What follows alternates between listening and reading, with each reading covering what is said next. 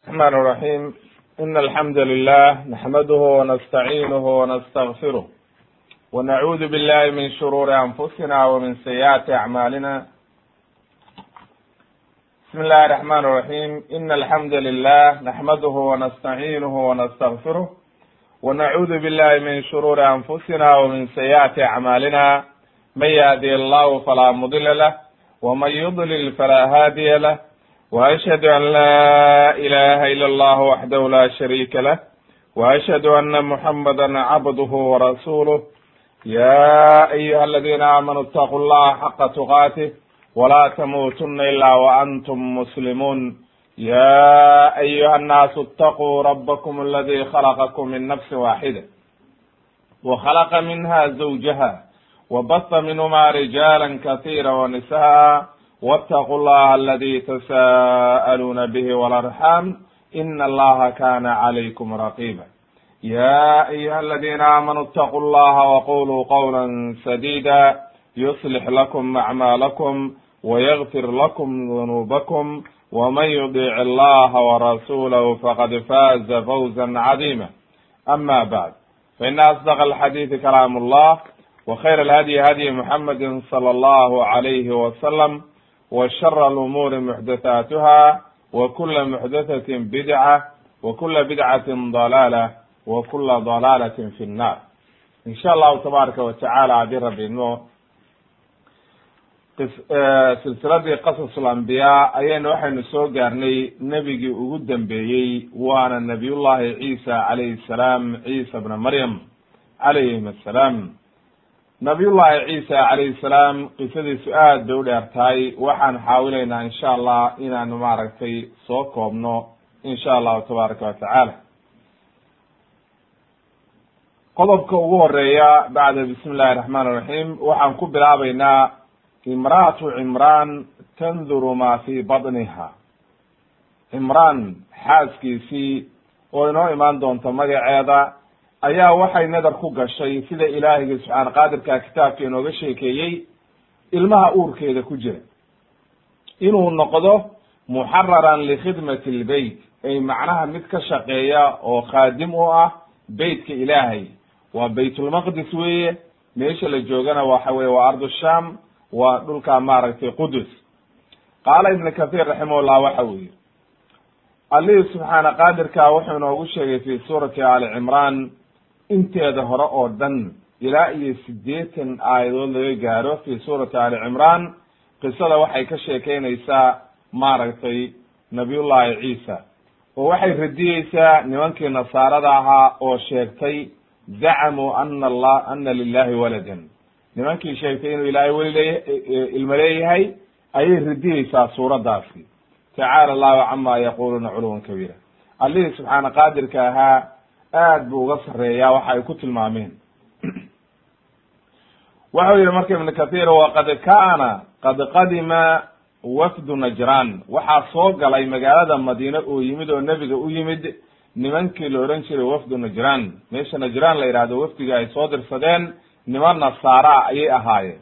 Nebiga u yimaadeen calayhi salaatu wassalaam fajacaluu yadkuruuna ma hum calayhi min albatil waxay sheegeen waxyaalihii batilka ahaa oo ay ictiqaadsanaayeen oo ay diin ka dhiganayeen sida maaragtay ilaahay inuu saddex yahay oo waxa weye ilaahay uu ilmo leeyahay waxyaala noocaasay sheegteen waxa ay sheegteen marka inuu yahay maaragtay ana allaha thalithu thalaatha waxayna ujeedaan marka sida culimmadu ay leeyihiin qaar waxay yihahdeen waxay ujeedaan maaragtay allihii subxaana qaadirka iyo maryama iyo ciisa ayay ujeedaan laakin iyagoo iskhilaafsan oo aqwaashoodu iskhilaafsan tahay. Marka way xaqiiqo wey horta inay ciisa ilaah ka dhigteen oo yidhahdeen waa wiilki ilaahay. Laakin maryama maxay dhaheen?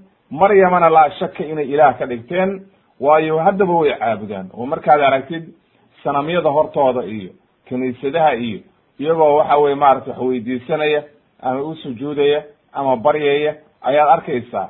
Marka sida mashhuurkaa waxa weeye qaarna waxay leeyiin culamadu waxay yihahdeen saddexdu waxa weeye aabihii iyo ilmaha oo ciisa iyo waxa weeye ruuxdii. Ruuxdii oo ilaahay xaggiisa ka timid oo markaa maryamo gashay. Calaa kulli xaal waxa weeye allihii subxaana qaadirka ahaa ayay waxay ka dhigeen cadad aan maaragtay u habboonayn oo allihii subxaana qaadirka uu beri ka yahay. Iyagoo haddana isku khilaafsan bayana allahu subxaanahu watacaala fiiha ana ciisa cabdun min min cibaadi illah ilahay wuxuu fi suurati ali cimraan ku caddeeyey ciisa inuu yahay addoon addoommada ilaahay ka mid ah oo sida addoommada loo abuuray oo waxa weeye uur hooyo loogu abuuray isagana loogu abuuray. Wax kale oo maaragtay uu makhluuqaadka dheeryahay inayna jirin keliya waxa weye min gayri abin wuxuu dheeryahay keliya oo kaga duwan yahay min gayri abin haddii la yidhaahdo marka min gayri abin buu ku dhashay aabba ma lahayna. Hadda waxaa imaanaysa nabiyullahi aadam calayhi salaam aabbana ma lahayn hooyana ma lahayn. Ee waxa uu alihi subxaana qaadirka intuu abuuray ayaa la yidhi kun fa kaana. Sidaa daraaddeed marka ayaa nabiyullahi ciisana alihi subxaana qaadirka waxa uu yidhi kun fa kaana. Way wa bayana asla miilaadi ummihi. Waxa uu sheegay xataa alihi subxaana qaadirka inooga sheekeeyey kitaabka qur'aanka hooyadii xataa habkay ku dhalatay iyo sida arrinteedu ahaa. Wa kayfa xamalat biwaladiha iyo sidii maaragtay ay ilmaha uurka ugu qaado ciisa markay uurka gash u galay maryam. Marka maryam dhalashadeedii iyo waxa weye koritaankeedii iyo markay uurka yeelatay iyo say u dhashay kulli waa laynooga sheekeeyey kitaabka qur'aanka oo alihi subxaana qaadirka aad iyo aad ayuu arrintaa uga hadlay. Fa qaala tacaala ilahay waxa uu yihi ina allaha istafaa istifaagu waxa weeye doorasho. Ilaahay waxa uu doortay oo addoommadiisii ka doortay aadama wa nuuxan. Walu fiirso aadam ilaahay waa doortay nuuxna waa doortay aala ibraahimna waa doortay wa aala cimraana cala alcaalamiin intaasoo dhan nabiyullahi aadam nabiyullahi nuux iyo ahalkii ibraahim iyo kii cimraanba ilaahay waxa uu ka doortay maaragtay caalamiinta. Doorashadaa marka waxay leeyihiin culummadu nabiyullahi aadam ilaahay iyo nuux iyo ibraahim iyo macnaha uu doortay waxa weeye kaana bilwaxyi ilayhi. Macnaha ilaahay waa u waxyoon jiray oo waxa weye nebiyuu ka dhigay allihii subxaana qaadirkaabaa doortay wuxuuna ku karaameeyey nabiyullahi aadam inuu nebina ahaa ilaahayna uu gacantiisa ku abuuray. Haddana uu naftiisii ku afuufay malaa'igtina u sujuudiyey. Amaa nuux wuxuu ahaa rasuulkii ugu horreeyey oo ilaahay uu doortay oo rususha loo loo diray dadka. Ayuu ahaa. Amaa waxa weeye nabiyullahi ibraahim isagana waxa uu ahaa maaragtay rasuul ilaahay uu doortay oo waxa weeye khaliil raxmaan ah ayuu ahaa amaa waxa weye istifaaga aala cimraan may aala ibraahimna waxa weye nebiyo badan ayaa ka dhashay oo waxa weye nebiyo badan baa ilaahay u doortay. Amaa aala cimraan waxaa laga wadaa xanna oo waxa weeye waa gabadhii uu qabay maaragtay cimraan oo maryamo aabaheed waa iyadi maaragtay ilaahay uu doortay oo maryamo inay dhashaa ilaahay u doortay. Kabacdina markaa maryamo waxaa loo doortay inay ciisa dhasho oo ilaahiygi subxaana qaadirka ayaa iyadana ka doortay dumarkii caalamiinta ahaa. Ayaa ilahay ka doortay. Ilahay wuxuu yihi duriyatan bacduhaa min bacdi wallahu samiicun caliim. Waa duriye intaas oo dhan qaarba qaarka kala dhalay oo waxa weye maaragtay alihi subxaana qaadirkaana waa samiicun caliim. Id qaalat imra'atu markii ay tiri xaaskii cimraan inii rabbi inii nadartu laka ma fii badni muxararan fataqabal minii inaka inaka sami anta samiicu ducaa xaaskii uu qabay cimraan oo la yidhaha magaceeda xanna sida culammadu ay sheegeen ayaa ilaahay u dhawaaqdo waxay tidhi ilaahayo waxaa nadar ku galay ilmaha uurkayga ku jira.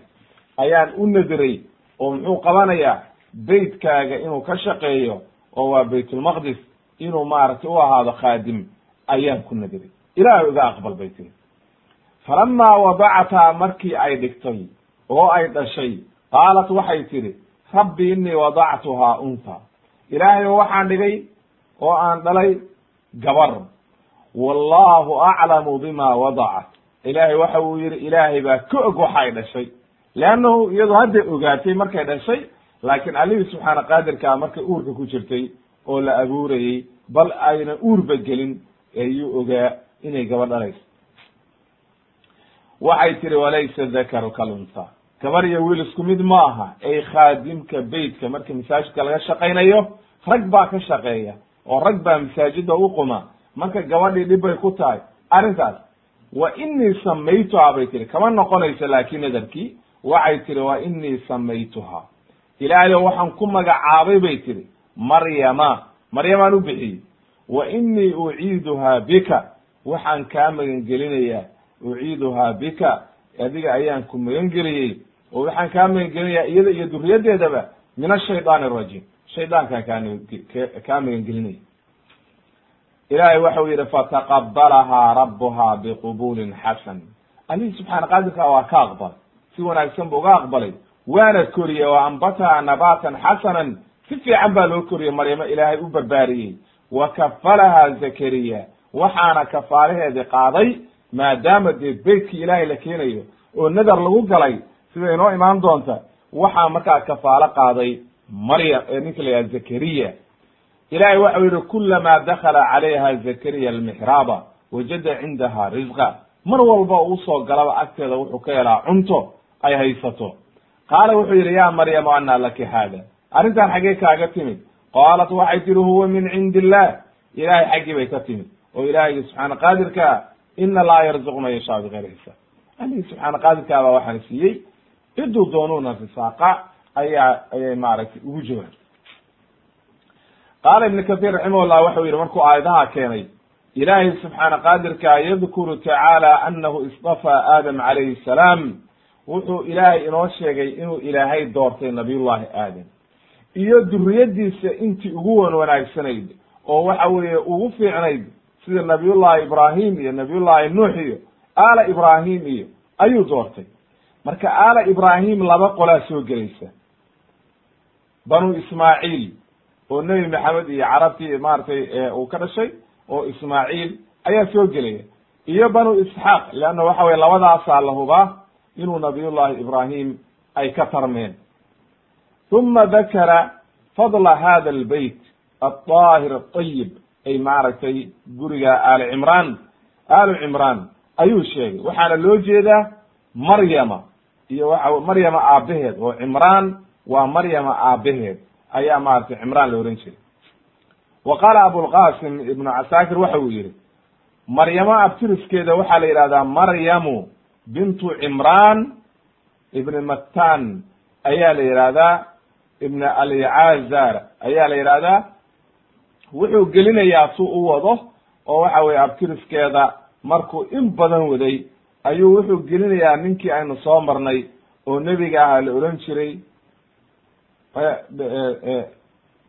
may ninkii nebigu dhalay oo waxa weye nabiyullahi sulayman wiilkii uu dhalay oo aynu soo marno nebiyo badan ay galgaleen ayuu gelinayaa oo la odhan jiray raxabcaam ibnu sulayman ibnu daawud ayuu geynaya marka halkaa waxaa inooga sugnaatay maryama waxay ku abtirsataa nabiyullahi daawud iyo nabiyullahi sulayman ayay ku abtirsataa oo waxa weeye kulligood de waxay ahaayeen dhuriyatu ibrahim wa min dhuriyati daawuda waatuu ilaahay fi suurati ancaam ilaahay inoogu sheegay.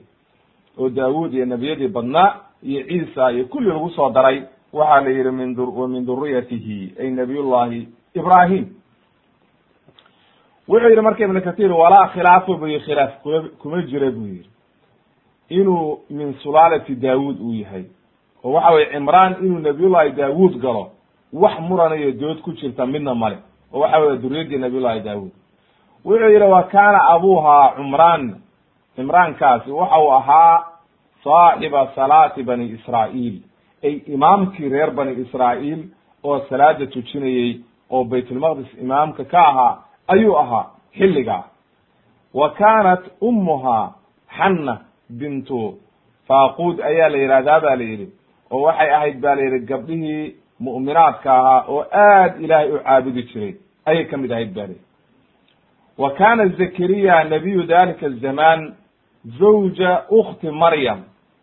Ashbaac gabadha la yidhaahdo waxay leeyihiin culummadu marna ma maryamo walaasheed baa qaar yidhahdeen weye qaarna waxay yidhahdeen male maye waxa weye waa habaryarteedo xanay la dhalatay labadaa qowlba culummadu way leeyihiin marka waxa uu qabay nabiyullahi zakariya sidai inoo soo hormartay aynu soo marnay gabadha la yidhaahdo ashyaac ayuu qabay.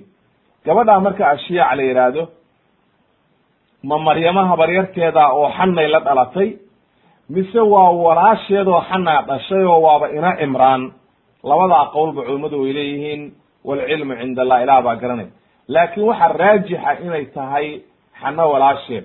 Waayo nebigu wuxuu ku tilmaamay ciisa iyo yaxya wuxuu ku tilmaamay ilma habreed ciisa iyo yaxya wuxuu nebigu ku tilmaamay ibna ibnay khala labadii ilma habreedka ahaa. Marka sidaa daraaddeed waxaa halkaa daahirka noqonaysa inay ashyaac tahay maryamo walaasheed. Oo waxa weeye leanno ashyaac baa dhashay yaxya. Marka inay walaal ahaayeen ayaa halkaa ka caddaanaysa oo ay tahay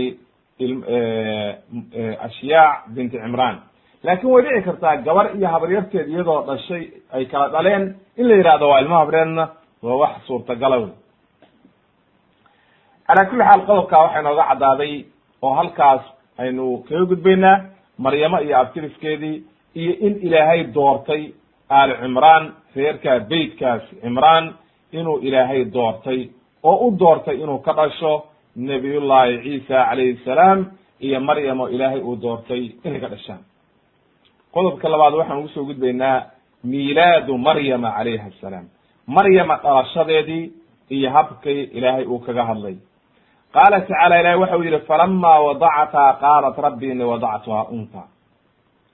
Walaysa dakaru kalunta qaar baa culummada waxay yidhahdeen wallahu aclamu bima wadacat qaar baa waxay u akriyeen qiraadanka wallahu aclamu bima wadactu ay inay iyadii weli hadlayso. Laakin qiraa'ada mashhuurka waxa weeye wallahu aclamu bima wadacat inuu ilaahay ogyahay. Ay macnaha walaysa dakaru kaluntaa waxaa laga wadaa ay fi khidmati lbeyti beytka adeegiisa wuxuu yihi marka ibn kathir wa kanuu fi dalika azaman yanduruuna libayt lmaqdis khudaaman min awlaadihim. Waxay nadar ku geli jireen inuu ilmihiisa qofka ku nadro oo yidhaahdo waxaan ku nadray ilmahaygaani inuu noqdo khaadimka masaajidka. Oo waxa weye masaajidka inuu ka shaqeeyo oo joogo oo ilaahay ku caabudo oo adduunyada ka go-o. Adduunyo kaleba una waxba shaqo ku lahay. Waxay tiri waa inii samaytuha maryam. Marka halkaasay nadarkaasay gashay iyaduna iyadoo uurka ku wada waxaan ku nadray bay tiri marka markay dhashay waxay tiri wa inii samaytuha maryama waxaa halkaa loo daliishaday wa inii samaytuha maryama ilmuhu markuu dhasho in magaca loo bixin karo. Waana sugnaatay xilligii nebiga calayhi salaatu wassalaam xadiidkii anas waxa weeye wiilkii walaalkiisa hooy ka dhashay oo waxa weeye cabdallah nebigu ku magacaabay. Markuu dhashayba ayay waxay tiri maaragtay orad u gee nebiga calayhi salaatu wassalaam intay timir u dhiibtay hadhowna markuu timirtii u taxniikiyey oo u marmariyey maaragtay dhowxanaga ayuu u duceeyey kuna magacaabay maaragtay cabdallah. Marka sidaa daraaddeed waxaa sugan ilmaha waa loo bixin karaa. Ma aha waajib xadiidka odhanaya maaragtay yawmu saabicihi maalinta toddobaad oo magaca loo bixinaya laga walqalayaa waa sunne sugan weye laakiin markuu dhashana waa loo bixin karaa wax dhibaato ah male halkaa marka maryama way dhalatay. Markay dhalatay marka maryama oo ay dhashay maaragtay xanna ayay allihii subxaana qaadirka ahaa u sheegtay oo tiri ilaahayow gabar baan dhalay waxaana u bixiyey maryama. Ayaa maaragtay arrintaa ku ku dhawaaqday. Ilahayna waa ogyahay way qodobka saddexaad waxaan ku soo qaadaynaa dikru maa walada fi icaadati maryama wa duriyataha min ashaytaan rajim iyadoo ilaahay ka magan gelinaysa marka shaydaankii maryamo iyo duriyaddeedaba qaala tacala ilahi waxa uu yidhi waxay tiri wa inii uciiduhaa bika wa duriyataha min ashaytaan rajim halkaana waxaa loo deliishaday inay wanaagsan tahay in ilmaha laga magangeliyo shaydaanka marka wuxuu leya ibnu kahiir markii ilaahay uu ka ajiibay waqad istujiiba buu yihi laha ilaahay waa ka ajiibay buu yihi ducada oo maryama ilaahay iyo ilmaheediba shaydaankii uu ka nabadgeliyey. Waxaa sugnaatay xadiidkii abu hurayra uu wariyey. Nebigu wuxuu yihi ana nabiy sal ly slam qaala ma min mawluudin ilmo dhalanaya ilmo dhashaa ma jiro ilaa washaydaanu yamusuhu shaydaanku waa taabanaya. Xiina yuulad mar alla markuu dhasho ayuu taabanaya. Fayastahillu saarikan isagoo ooyo dhalanaya min masati shayطaan iya. Taabashada uu taabanayo ilaa maryama wa ibnaha. Ilaa maryama iyo ilmaheedii oo ciisa wiilkeedii mooye. Uma qaala uma yaqulu wuxuu yihi abu hurayra wuxuu odhan jiray iqra'uu akriya in shi'tum haddii aad doontaan wa inii samaytuhaa maryama wa inii uciiduhaa bika wa duriyataha min ashayطaan arajiim aayadda akriya buu odhan jiray haddii aad rabtaan waayo aayaddaasa caddaysay in ilmaha shaydaanka laga magan geliyo xadiidka waa xadiid saxiixa imaam albukhaari iyo muslim ayaa werinaya waa xadiid saxiixa. Xadiid kale oo waxa weeye abu hureyre laga warinayo isna waxa uu leeyahay.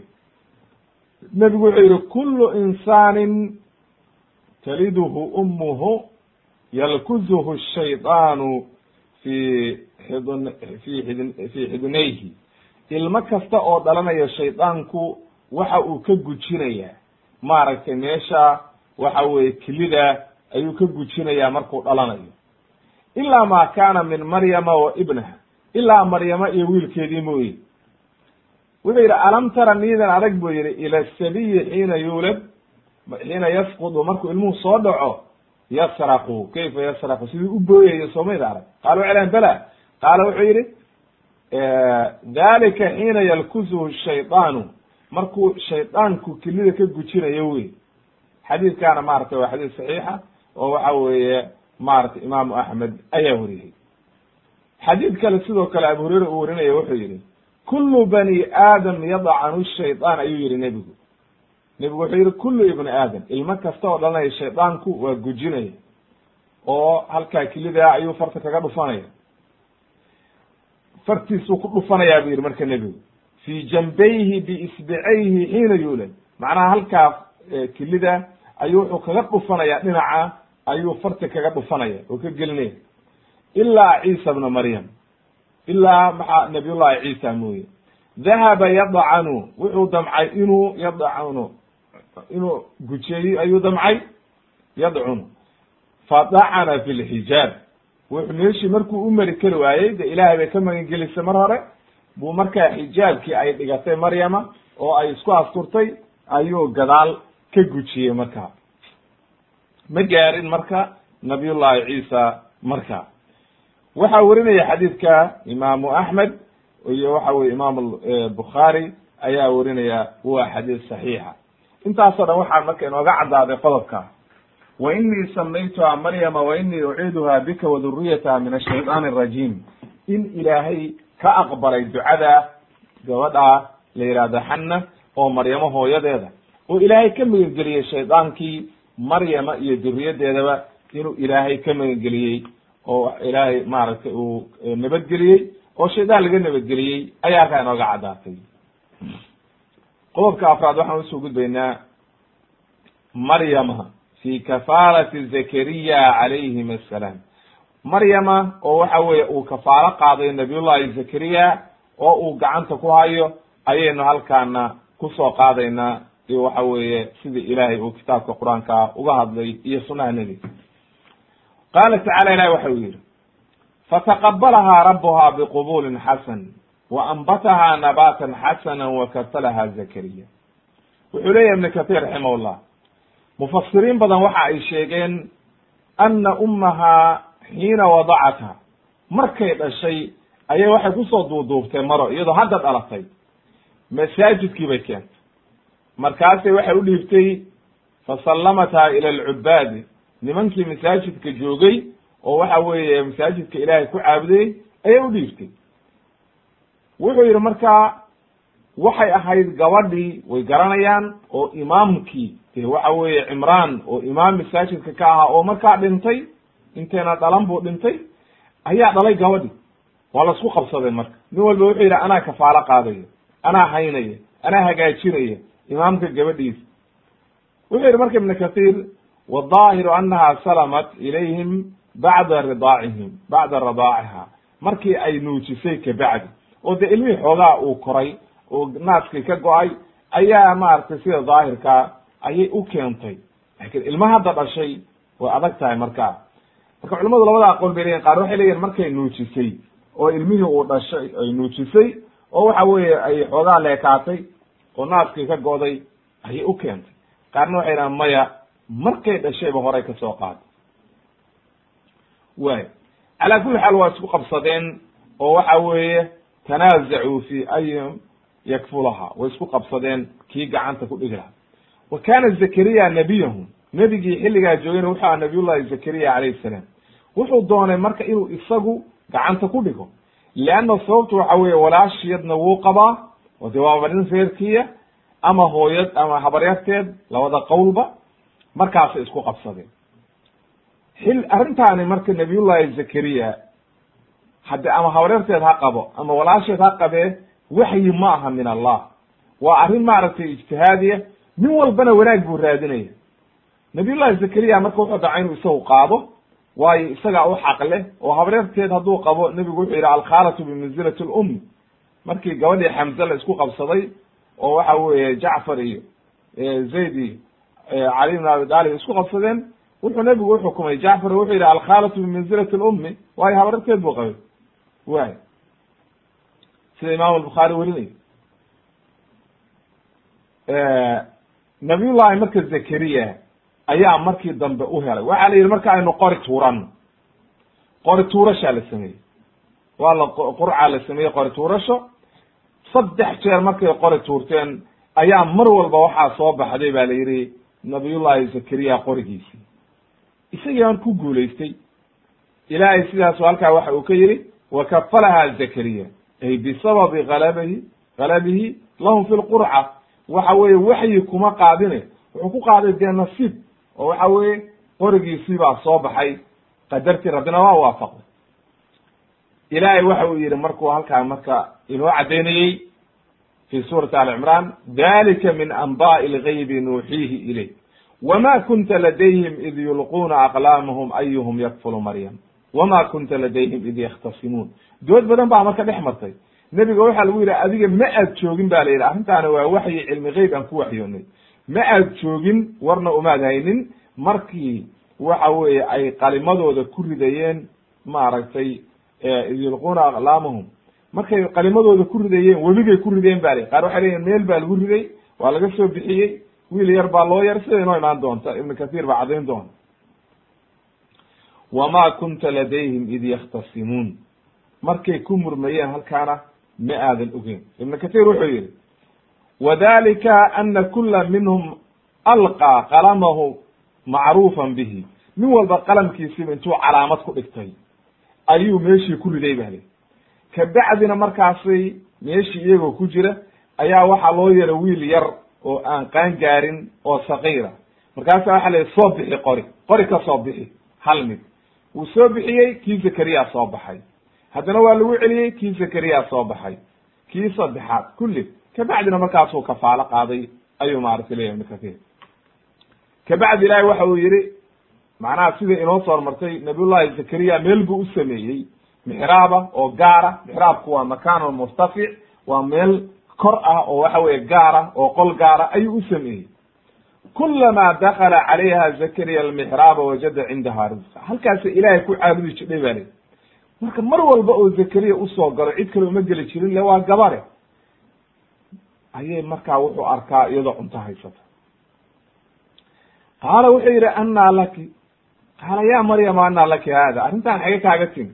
Qaalat waxay tihi huwa min cindi illah in allaha yarzuqu man yashaa bigayri xisaab. Wuxuu leeyahay ibnu kathiir mufasiriintu waxay yidhaahdeen nabiyullahi zakariya markuu mixraabka u sameeyey aan cidina u gelaynin isaga mooye halka ay ilaahay ku caabudayso xilligeedana masaajidka ay ka shaqayso ayaa markuu zakariya u galaba wuxuu arkaa iyadoo waxa weeye wuxuu yihi maya wuxuu yihi xilligaas waxaa waxay noqotay ba la yihi gabadha macruuf reer bana reer bani israa'iil oo dhan baa ku sheekaystay buyi oo waxaa lala yaabay gabadha cibaadadeeda iyo siay u wanaagsan tahay hameen iyo maalinba cibaadada ay ilaahay caabudayso gabar lala yaabay noqotay.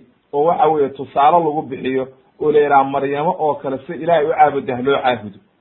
Oo sifaat waxay yeelataa la yidhaha cajiib ah. Marka nabiyullahi zakariya ayaa markuu u soo gala marka. Halkaa wuxuu arki jiray iyadoo cunto haysata. Faakiha risqi min allah. Noocay doontaa noqotee waxay leeyihiin marka mufasiriintu qudaar baa loogu imaanaya iyadoo iska cunaysa.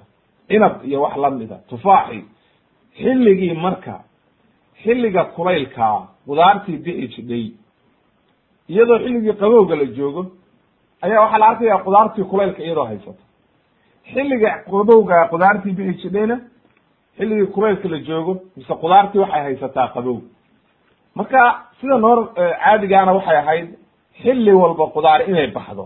Oo xilliga kulaylkaana qudaar gaaraa baxda xilliga waxa weye qabowgaana qudaar gaaraa baxda oo waxa weye labadooda midba xilli bay baxdaa marka sidaas daraaddeed magaaladii lagama helo qudaartan xilligaan hadda qabowga lagu jiro qudaartii kulaylaha soo go'i jidhay lama helo. Nabiyullahi zakariya waa yaabay wuxuu yidhi maxay tahay arrintaa? Anaa laka hada qaal waxay tii huwa min cindi illah allihii subxaana qaadirkaa ayaa isiiyey waa risaaqad min allah. Ilaahayna cidduu doono ayuu risaaqa. Oo waxa weye arrintaani waa min allahi bay ka timid ilahay xaggii bay ka timid. Halkaa marka markay sidaa ku jawaabtay oo arrintii ay caddaysay inay tahay arrintaani allihii subxaana qaadirkaa arrinuu ku galladaystay oo ku manaystay inay tahay ayaa nabiyullahi zakariya markaa ilmo ma lahayn nin weynna waa yahay oo da- jooga.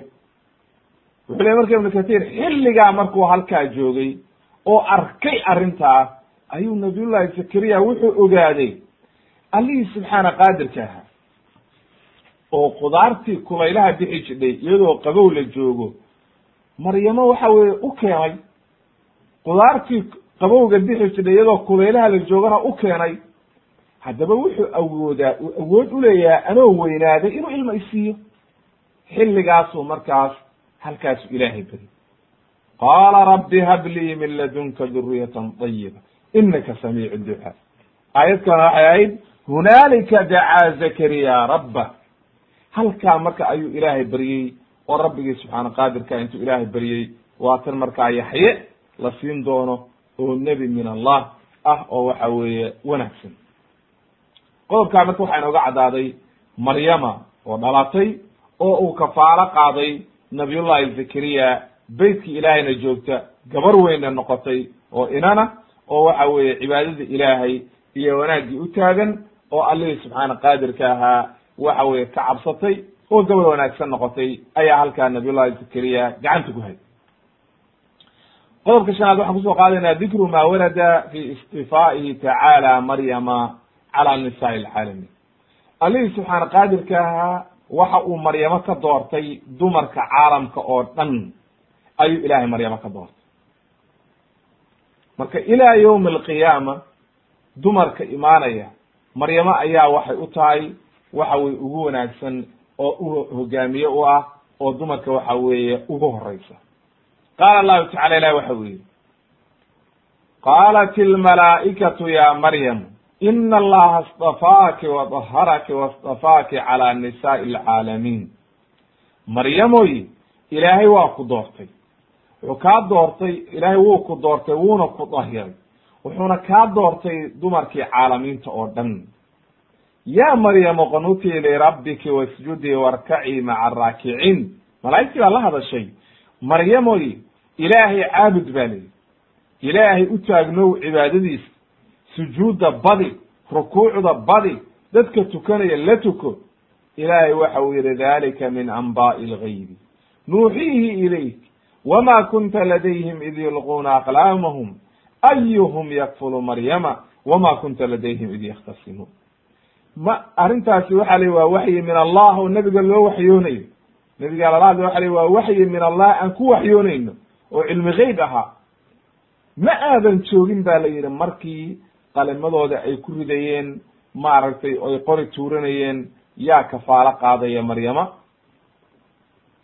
Mana aadan joogin markay murmayeen oo isku haysteen. Mana aadan joogin id qaalat ilmalaa'ikatu ya maryam. Markay malaa'igtu tirina ma aadan joogin mana aadan ogeyn.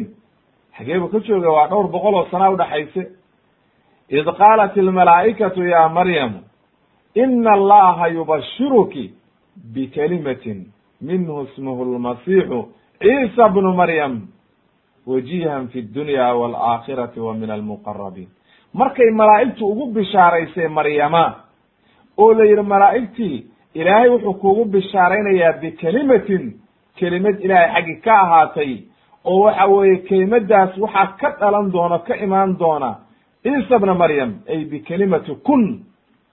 Ilaahigii subxaana qaadirka uu kun yidhi fa kaana ciisa min kun. Kun buu ka ahaaday nabiyullahi ciisa say culimmadu yihahdeen imaamu axmed iyo imaamu nawowi iyo raximahum allah culamaau ahli sunna wajihan fi dunya oo ah waxa weeye mid aad u wanaagsan oo adduunka sharaf ku leh oo qiimo ku leh weji iyo wanaag ku leh. Walaaakhira iyo aakhirana min almuqarabiin wa min almuqarabin aakhirana wanaag ku leh wa min almuqarabiin kuwa la soo dhoweynayo nebiyada ilaahay soo dhoweynayana ka mid ah muxuu kaloo sifaadu leeyahay wa yukallimu nnaasa fi lmahdi wa kahla.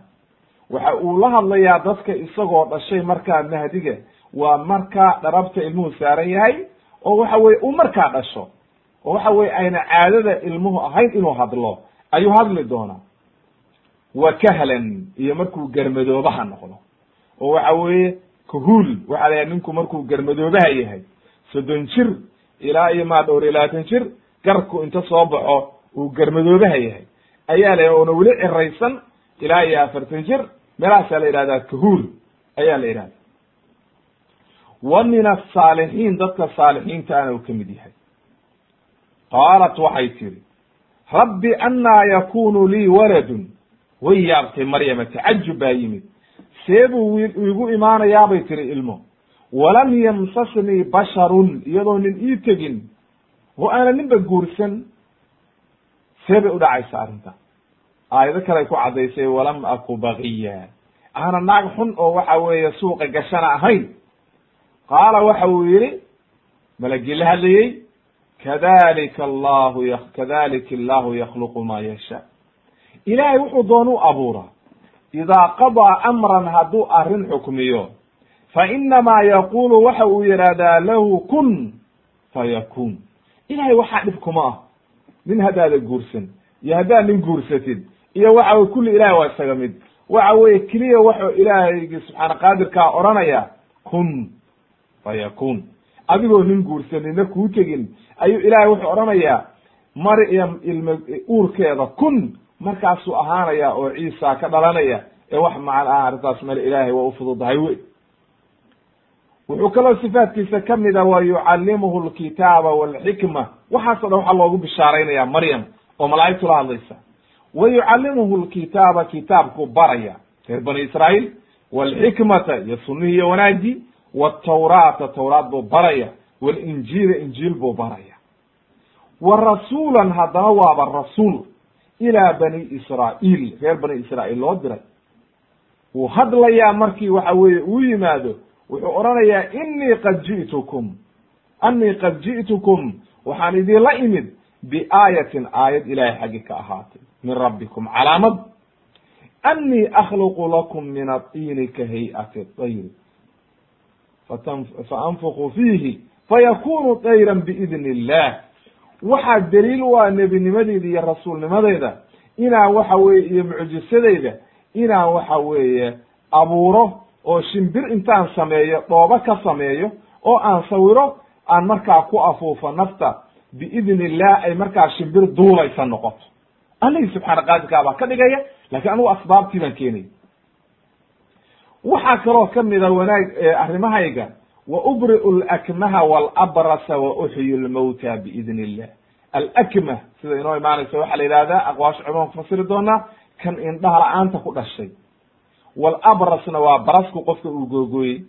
Wa uxyi lmawta kuwii dhintay baan soo noolaynayaa biidni illah idinka ilaahay. Wa unabi'ukum bima ta'kuluuna bima ta'kuluuna wama tadakhiruuna fi buyuutikum. Waxaan idiin sheegayaa waxaad cunaysaan. Oo halkan qofki isagoo jooga guriga markaad tinti waxaad cunaysaan kuu sheegaya waxaad guryaha ku kaydsateen baan idiin sheegaya. Intaasoo dhan ina fi dalika la aayatan lakum in kuntum mu'miniin. Intaasoo dhan waxa weeye waa calaamad iyo aayad reer bani israa'iilow haddii aad wax rumaynaysaan ida tusaysa inay arrintaani mucjiso tahay oo allihii subxaana qaadirkaa uu soo diray ee uunan ahayn wax kale. In wuxuu yihi marka haddana wuxuu odhanaya ina allaha rabbii wa rabbukum. Markuu dhashay buu arrimahan leeyahay. Ina allaha rab wuxuu yidhi maya ilahay waxa u yidhi haddana wamusadiqan lima bayna yadaya min atawraat waxuu waxaan rumaysanahay waxa iga soo horreeyey oo tawraad ahaa. Kutubta iga soo horreeyey waliuxila lakum bad bad waliuxila lakum bacd aladi xurima calaykum. Waxaanan idii xalaalaynayaa waxyaalihii tawraad la idinkaga xarimay qeyb ka mid a.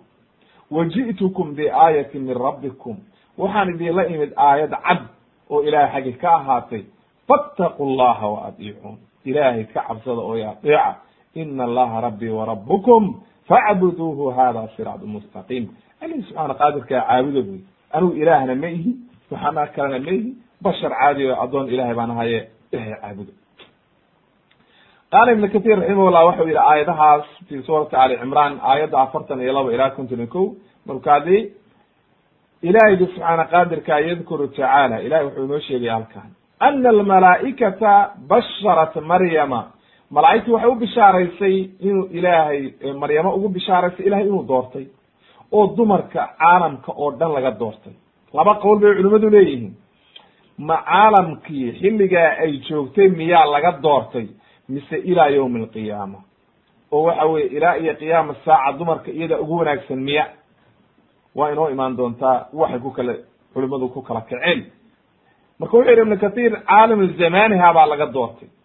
Ayuu yihi oo maxaa loo doortay? Inay dhasho walad min gayri abin wiil aan aabba lahayn inay dhasho. Oo waxa weye allihii subxaana qaadirka ahaa uu uurkeeda ku abuuro kun fa yakunu markaa oo nebiya oo shariifa oo sifaatkan wanaagsan leh oo dadka la hadlaya fi lmahdi ay fi sikari carruurnimada. Marka uu dhasho ayaa la yihahdaa mahdi mahdiga wey meesha ilmaha gogasha loo goglo ama xoolka ama salid waxa waayo iyo kahula markuu dhalinyaro noqdo xoog la waxaa loogu bishaareeyey inuu is inuu qaan gaari doono nin xoog la noqon doono oo dhowr iyo soddon buu gaaray nabiyullahi ciisa calayhi salaam. Dadkana diinta ugu yeerayey oo waxa weye markaas uu maaragtay diinta ugu yeeray waxaa la amray marka inay salaada badiso. Ka bikatrati alcibaada ayaa la amray. Salaada inay badiso oo ilaahay ay caabuddo si ilaahay wanaaggaas ugu dhammaystiro ayaa la yidhi marka cibaadada badi oo allihii subxaana qaadirka ahaa u rukuuc oo u sujuud. Wuxuu yidhi marka ibnu kathiir waxay noqotay ilaa iyo maaragtay waxaa la yidhi ilaah bay caabudi jidhay oo salaatuleil iyo salaad u taagnayd ilaa ay cirbuhu dildilaaceen oo ay aad u badin jidhay allihii subxaana qaadirka ahaa hau naxariisto iyada iyo hooyadeedba iyo aabaheedba malaa'igtii waxay ku tiri maryamoy ina allaha isdafaaki ilahay waa ku doortay. Isdifaagu marka waxa weeye ay ikhtaaraki. Ilahay waa ku doortay wey. Wadaharaki wuxuu kaa dahiray oo kaa nadiifiyey wax walba oo xun sifaadkii liitay oo kulli o dhan ba ilahay kaa dahiray wasdafaaki calaa nisaai alcaalamiin. Ibn kathir wuxuu yihi qowlkan yuxtamal an yakuna almuraadu caalami zamaniha zamaankeedii xilligii ay joogtay dumarkii joogay in laga doortay waa suurtagal. Oo waxa weye ay ugu wanaagsanayd siduu nabiyullahi muusa ilaahay ku yihi ini istafaytuka cala annaasi. Dadka ayaan kaa doortay. Hay reer bani israa'iilna loo yihi walaqad ikhtarnaahum calaa cilmin cala alcaalamiin reer bani israiilna dadkaan ka dooranay. Sida macluumkaa oo la ogyahay xaqiiqadaa waxa weeye. Nabiyullahi muusa nabiyullahi ibraahim baa ka fadli badan. Iyo nabiyullahi moxamed calayhi salaam. Hadda marka haddii la yihahdo ini istafaytuka cala annaasi ilaa qiyaama saaca haddii la yihahdo waxay noqonaysaa marka inuu muusa ka fadli bato nabiyullahi moxamed iyo nabiyullahi ibrahim. Mana aha xaqiiqadu saas ee nabiyullahi ibrahim iyo nabiyullahi moxamed ayaa ka fadli badan. Marka waxa weye qowlkaasi nabiyullahi muusa marka laga hadlayo ay reer bani israail dadkii xilligaa joogay ayaan kaa doortay wy way marka sidoo kale ayay noqonaysaa buu yihi waxa kale oo qawluhu tacaala walaqad ikhtarnaahum calaa cilmin cala alcaalamiin reer bani israail reer bani israail ma ummadoo dhan bay ugu fadli badan yihiin ilaa qiyaama saaca waa maya ee xilligoodii bay ugu fadli badnaayeen intii joogtay. Waayo ummadda nebi maxamed ayaa ka fadli badan reer bani israail hadday iimaan noqoto hadday noqoto maaragtay cadad iyo wanaag iyo hadday noqoto cibaado si walba waxaa uga wanaagsan oo uga fadli badan waxa weeye ummadda nebi maxamed calayhi salaatu wasalaam kuntum khayra ummatin ukrijat innaas marka q qowlkeeda ah wasdafaaka calaa nisaai alcaalamiin.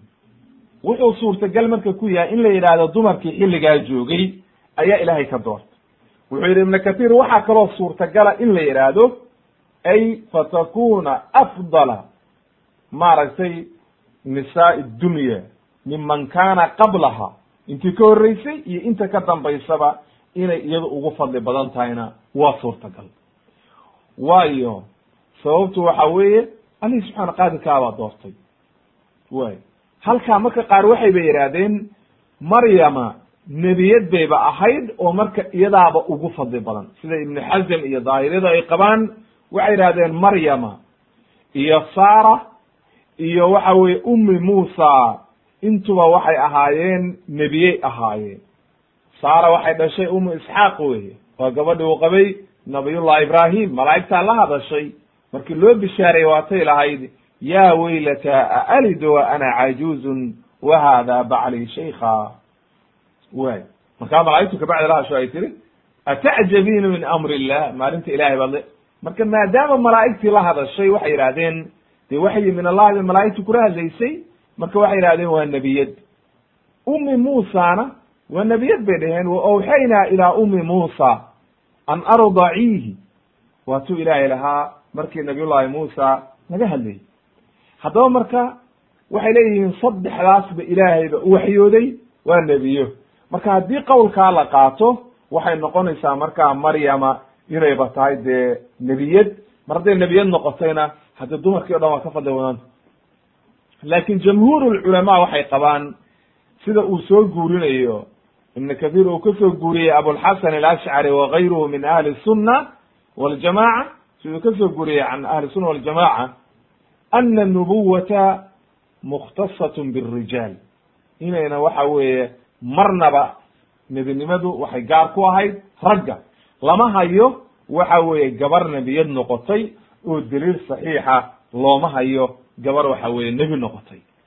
Way marka qowlkaasay qabaan ahlusunna waljamaca oo waxa weeye dumarka inayna nebiye ahayn.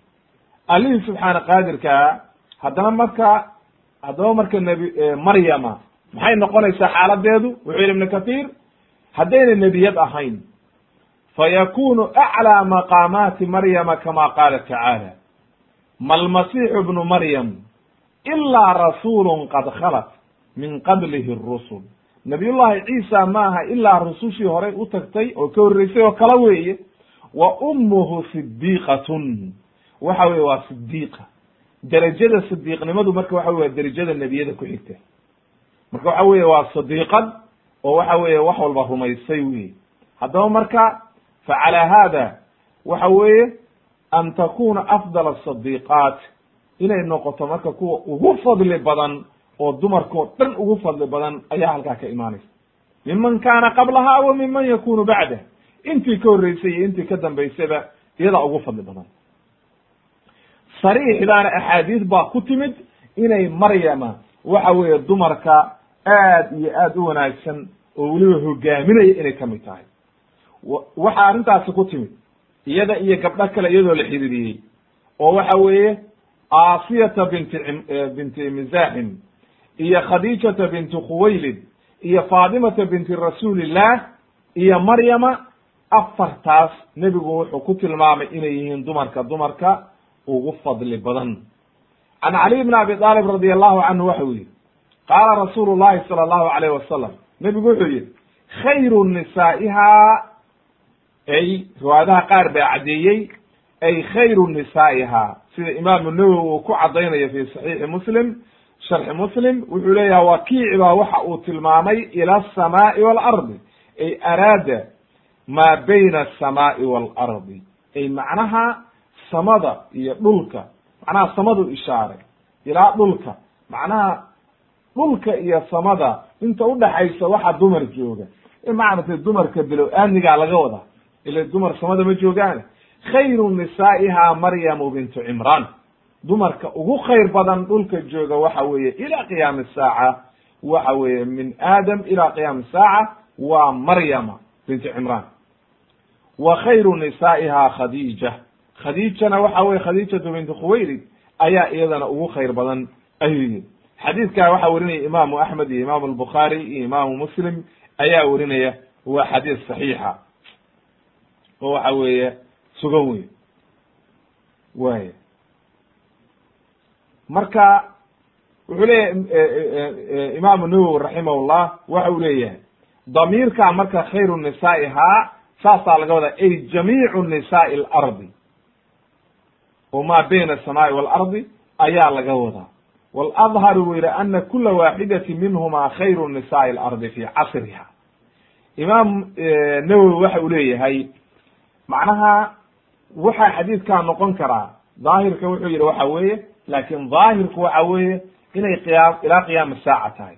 Lakin imaamu nawowi halkan wuxuu leeyahay sida daahirka ah waxa weeye inay maryamana xilligeedii ugu wanaag badnayd khadiijana xilligan ummadda nebi maxamed ugu wanaag badnayd. Laakin daahirku saa maahe waxaa la rabay qowlkaas oo kale in la yihahdo sida raajixa.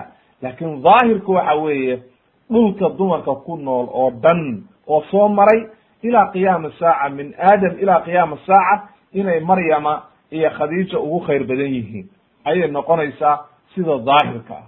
Waayo sababta waxa weeye daahirku saasuu keenaya laakiin xadiidku waa xadiid saxiixa saasuuna leeyahay imaamu nawowi raximah llah walcilmu cind allah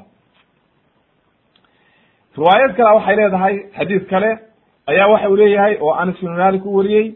Nebigu wuxuu yihi xasbuka min nisaa'i alcaalamiin.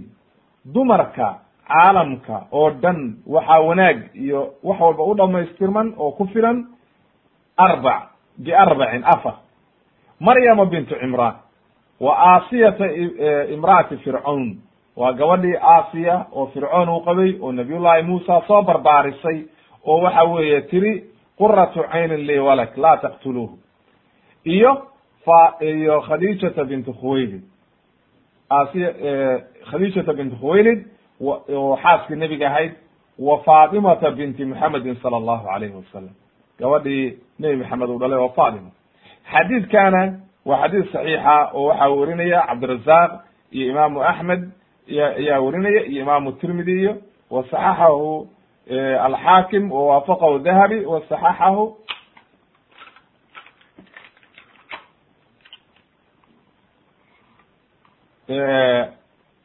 marka waa xadiis saxiixa.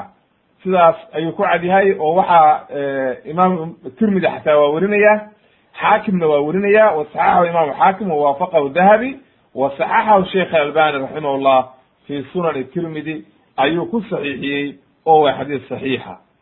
Halkaa marka waxaa inooga sugnaatay oo xadiidkaana inoo caddaynaya inay afartaasi yihiin dumarka dumarka ugu khayr badan wa can anas sidoo kale waxaa laga wariyey inuu yihi qaala rasuulu llahi sala allahu alayhi wasalam rasuulka ilaahi waxa uu yihi khayru nisaai alcaalamiina arbacun afar ayaa ugu khayr badan dumarka maryamu bintu cimraan wa aasiyatu imra'atu fircawn wa khadiijatu bintu khuwaylid wa faatimatu bintu muxamedin sala allahu alayhi wasalam.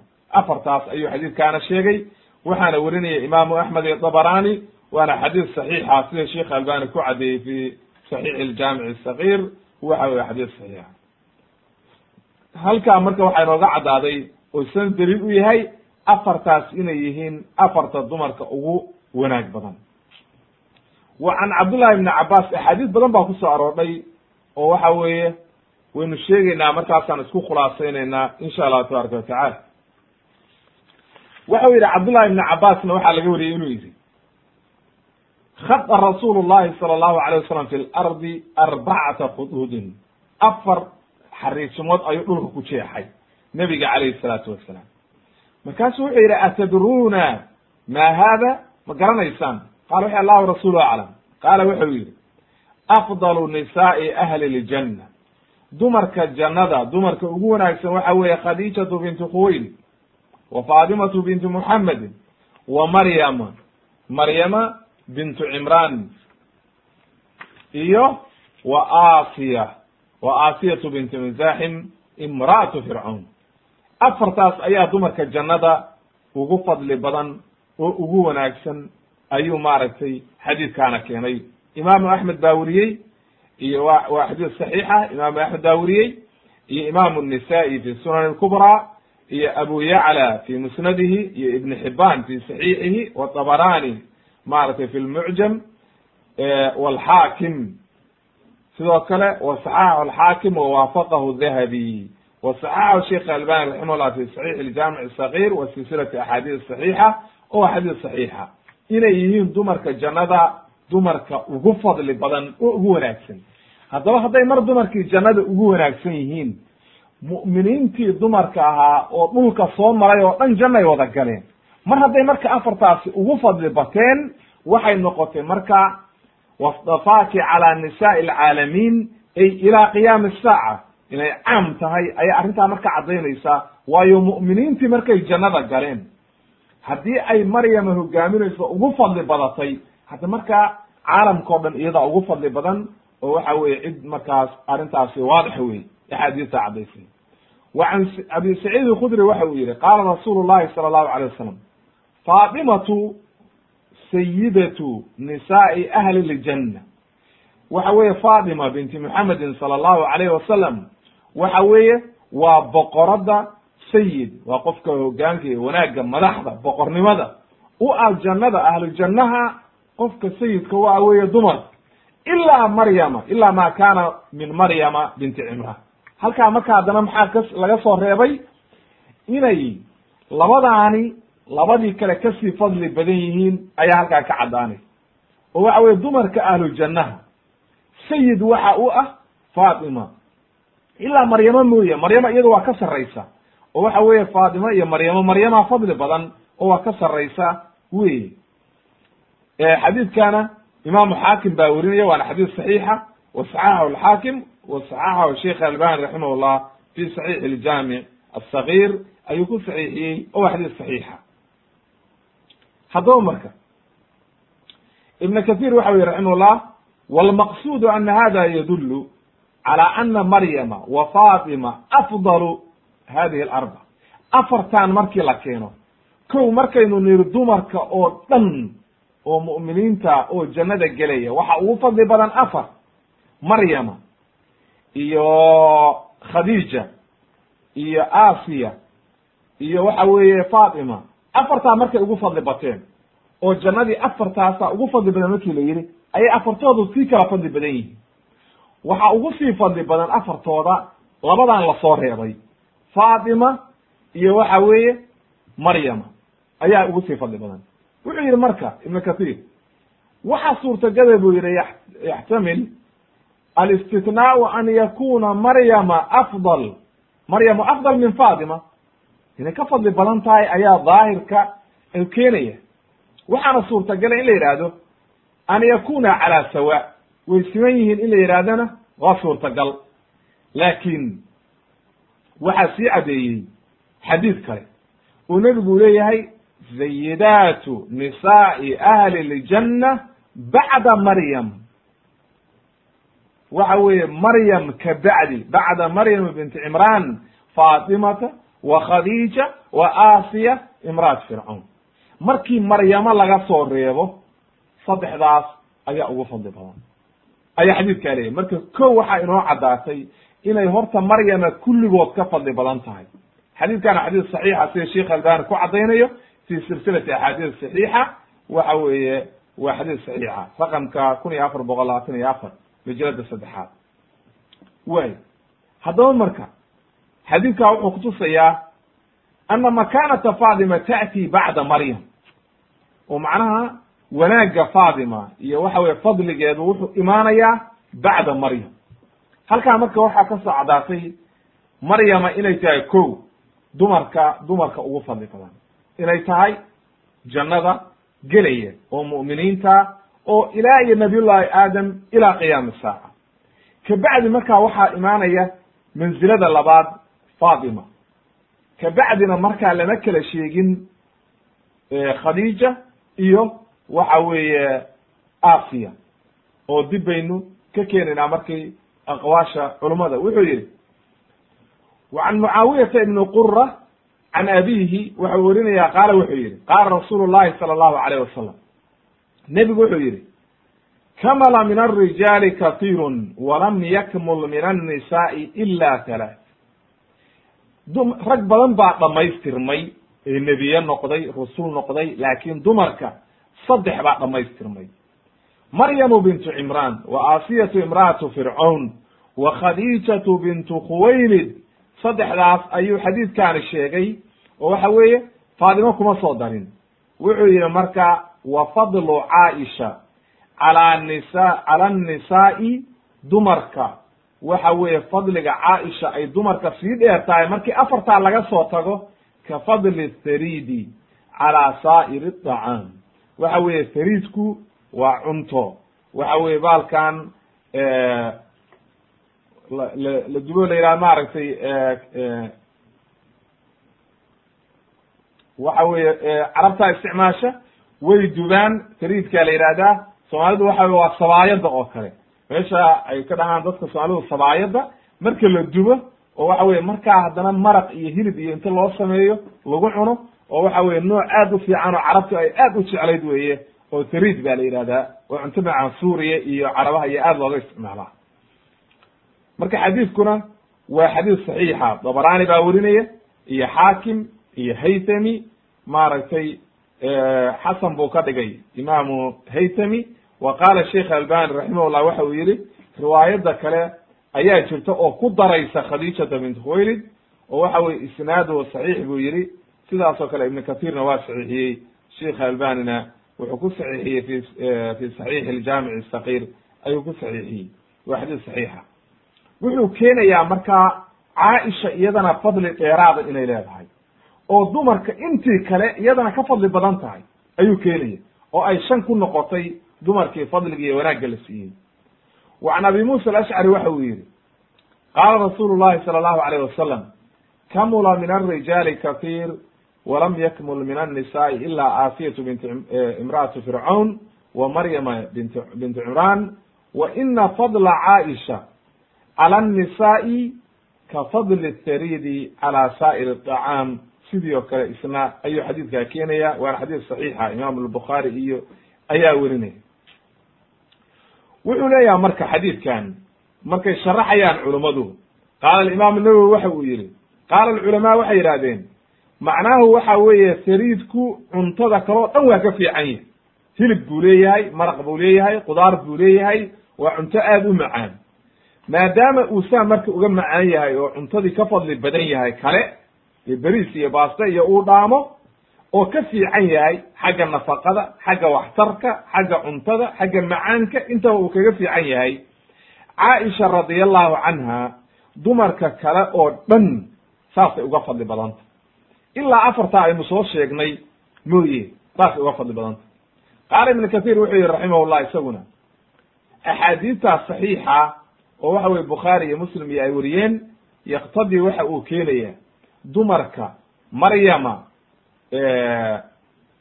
maaragtay maryama iyo asiya inay aad iyo aad u dhamaystirmeen oo wanaag oo dhan heleen oo ilaahay dhamaystiray waxaana muraadka loola jeeda waxa weeye buu yihi marka fi zamaniha fa ina kula minha kafalat nabiyan xaala sigari. Sababta ay wanaagga ku heleen maxay tahay maryama iyo asiya waa kalaamkiibuu soo khulaasaynayaa oo waxa weye waxaan ku khulaasaynaynaa sababtu maxay tahay dumarkaani dumarkii kale uga fadli bateen? oo asiya iyo maryama maxay tahay sababtay ku heleen fadiilada dheeraadka oo heerkaa ku gaareen? waxa weeye buu yidhi ma asiya waxay kafaalo qaaday nabiyullahi muusa. Waa ti nabiyullahi muusa ilaahay uu yihi hooyadii fa idaa kifti calayhi faalqihi fi lyami waxa weye badda ku rid ba layihi kabacdi waatay heleen aalu fircawn. Markaa kabacdi ay tiri asiya oo gabadhii uu qabay maaragtay fircoon lacanahu llah. Waxa weye gabadhii mu'minadaadi marki dambana nabiy llahi muusa rumaysay laakin waxaa qabay shaydaankaa weyn ayaa qabay. Ayaa waxay tihi laa taqtuluuhu. Maaragtay quratu caynin li walad markii loo keenay bay tihi ilmaan ka dhiganayaa oo waxa weye ishaydaa ku doogsanaysa ha dilin waayo waa tuu laynayey ilmihii reer bani israa'iil. Way ka badbaadisay marka. Ilaahay baa ka badbaadiyey laakin sabab bay u ahayd. Kabacdi markaa iyadaa kafaalo qaaday iyadaa marka waatay hooyade hooyadiis dib loogu celiye nuujisay laakin kafaalaheeda iyadaa lahayd iyadaa dhaqaalayn jidhay markuu xoogaa taraacraco waxa weye uu roonaaday oo gurguurto weynaadayna naaskii ka go'ayna hatii loo keenay iyadaa haysay marka. Iyadaa soo korisay kabacdina markuu rasuul noqday way rumaysay oo way islaamtay shahiido baado isagii dilay fircoon. Maryamana calayhi assalaam iyadana waxay kafaalo qaaday nabiyullahi ciisa bay dhashay oo nuujisay oo soo barbaarisay oo waxa weeye wanaagga saasay ku heshay oo waxa weeye waxa ay rumaysay kalaamkii ilaahay oo iyada xaalkeedu waaba xaal aad iyo aad u cajiiba labaduba marka wanaaggaas saasay ku gaareen. oo waxa weeye dee dumarkii la mid maaha maadaama mid walba nebi ay soo korisay oo soo kafaalo qaaday amaa khadiija maxay wanaaggaa ku gaadhay? Khadiija waxay ku gaadhay ba la yidhi nebiga calayhi salaatu wasalaam xaaskiisii wey qabla albictha waxa uu qabay baa shan iyo toban sano ayay u adeegeysay oo nebiga zawjadiisii oo raalliyaa wanaagsan ahayd oo so maaragtay la soo nolosha la soo qaadatay carruurtiisoo dhanna iyadaa dhashay. Wanaagga aad bayna gabar wanaagsan u ahayd. Markii uu nebiga rasuul laga dhigayna qofkii ugu horreeyo rumaysay bay ahayd. Oo garab istaagtay oo maalkeedii iyo nafteedii iyo wax walba la dul istaagtay. Ilaa waxa weye iyadoo nool jannada loogu bishaareeyey oo waxa weye ay ahlu janno noqotay. Oo waxa weye ay ahayd wasiira sidqin waxa weye ay aad iyo aad nebiga u garab istaagtay wa amaa faatima maxay wanaaggaa ku gaadhay?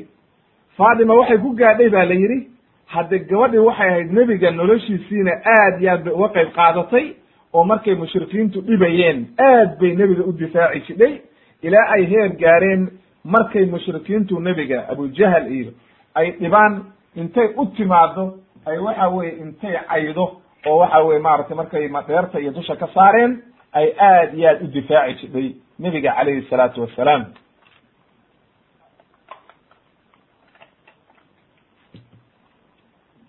way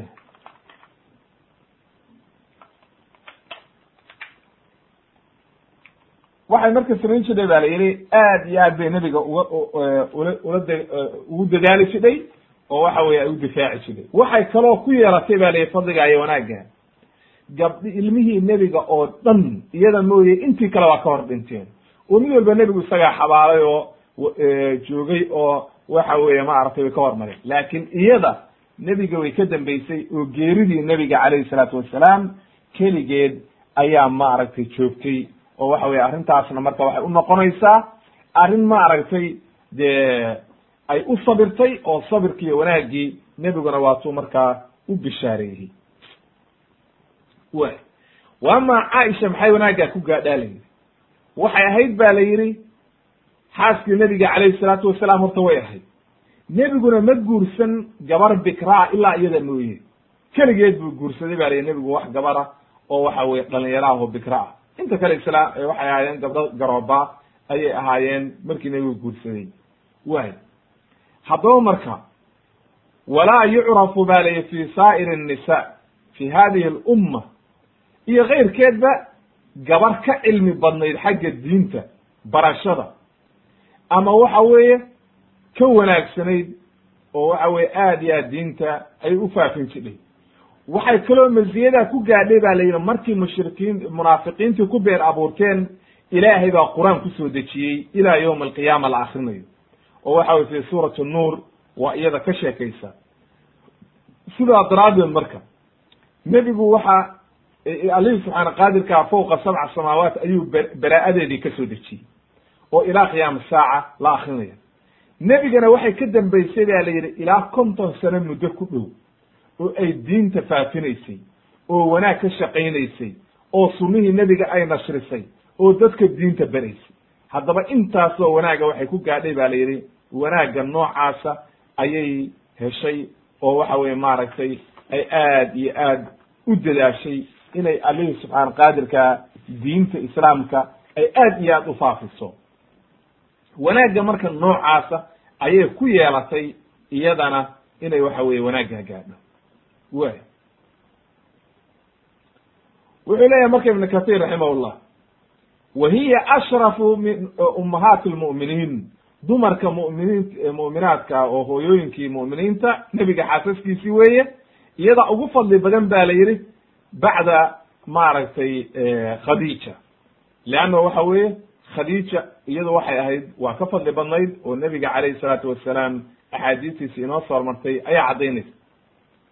Waxaa marka suurtagala bu yidhi xadiidkan fadlu caaisha ala nisa cala nisaa'i ka fadli tharidi cala saa'ir dacaam waxaa suurtagala inuu caam yahay oo dumarkii oo dhan ay laakin waxa weeye qowlka raajixa gayr almadkuuraat intii la sheegay mooye. Saddexdii afartii laynoo soo sheegay maahee caaisha ayaa inta kale ugu fadli badan wey laakiin afartii laynoo soo sheegay waxa weeye way ka fadli badan yihiin caaisha haddaba walmaqsuud huna halkan arrinta aan u keennay waxa weeye dumarkaa uga sheekaynay waa arrinta la xidhiidha maryama calayha assalaam fa ina allaha daharaha wastafaaha calaa nisaa'i alcaalamiin. Dumarkao dhan baa ilaahay ka doortay oo caalamka oo dhan dumarka ayaa ilaahay ka doortay. Ilaahayna wuxuu ka dhigay waxa weeye jannada. Dumarka waxa weeye ugu wanaagsan oo ahlu jannaha oo waxa weeye jannada hogaaminaya oo waxa weeye sayidaatu ahli janna ayuu ilaahay ka dhigay. Marka halkaa waxay nooga caddaatay dumarka oo dhan inay maryama ugu fadli badan tahay oo wax lamida ayna jirin. Marka hadday maryama dumarka ugu fadli badan tahay cala aliطlaaq yaa ku soo xiga waxa weeye fatima yaa markaa ku soo xiga? Asiya iyo khadiija labadaa lama kala sheegin tooda fadli badan. Laakin waxa weeye waxaa laynoo sheegay inay maryama ugu fadli badan tahay. Kabacdi markaa maryama markii laga soo tago waxaa ku soo xiga khadiija waxaa la yahay fatima sida xadiidka inoo cadeeyey kabacdi markaa asiya iyo iyo iyo khadiija lama kala sheegin. Lakin sida daahirkaa inay khadiija fadli badan tahay ayaa maaragtay keenayaan sida daahirka. Waayo nebiga calayhi salaatu wasalaam zawjadiisii aadna u wanaagsanayd uguna horeysay oo mu'miniintii ayay ahayd. Kabacdi markaa waxaa imaanaysa maaragtay caaisha ayaa shanaynaysa afartaa oo waxa weeye wanaag iyo sharaf loo sheegay insha allahu tabaaraka watacaala haddaba marka halkaa ayaan maanta ku joojinaynaa. Insha allahu tabaaraka watacaala welina qeyb baa sii harsan oo way sii socotaa. Wasubxaanaka allahuma bixamdika ashhadu an laa ilaha illa anta astaqfiruka waatubu ilayk. Walxamdu lilahi rabbi alcaalamiin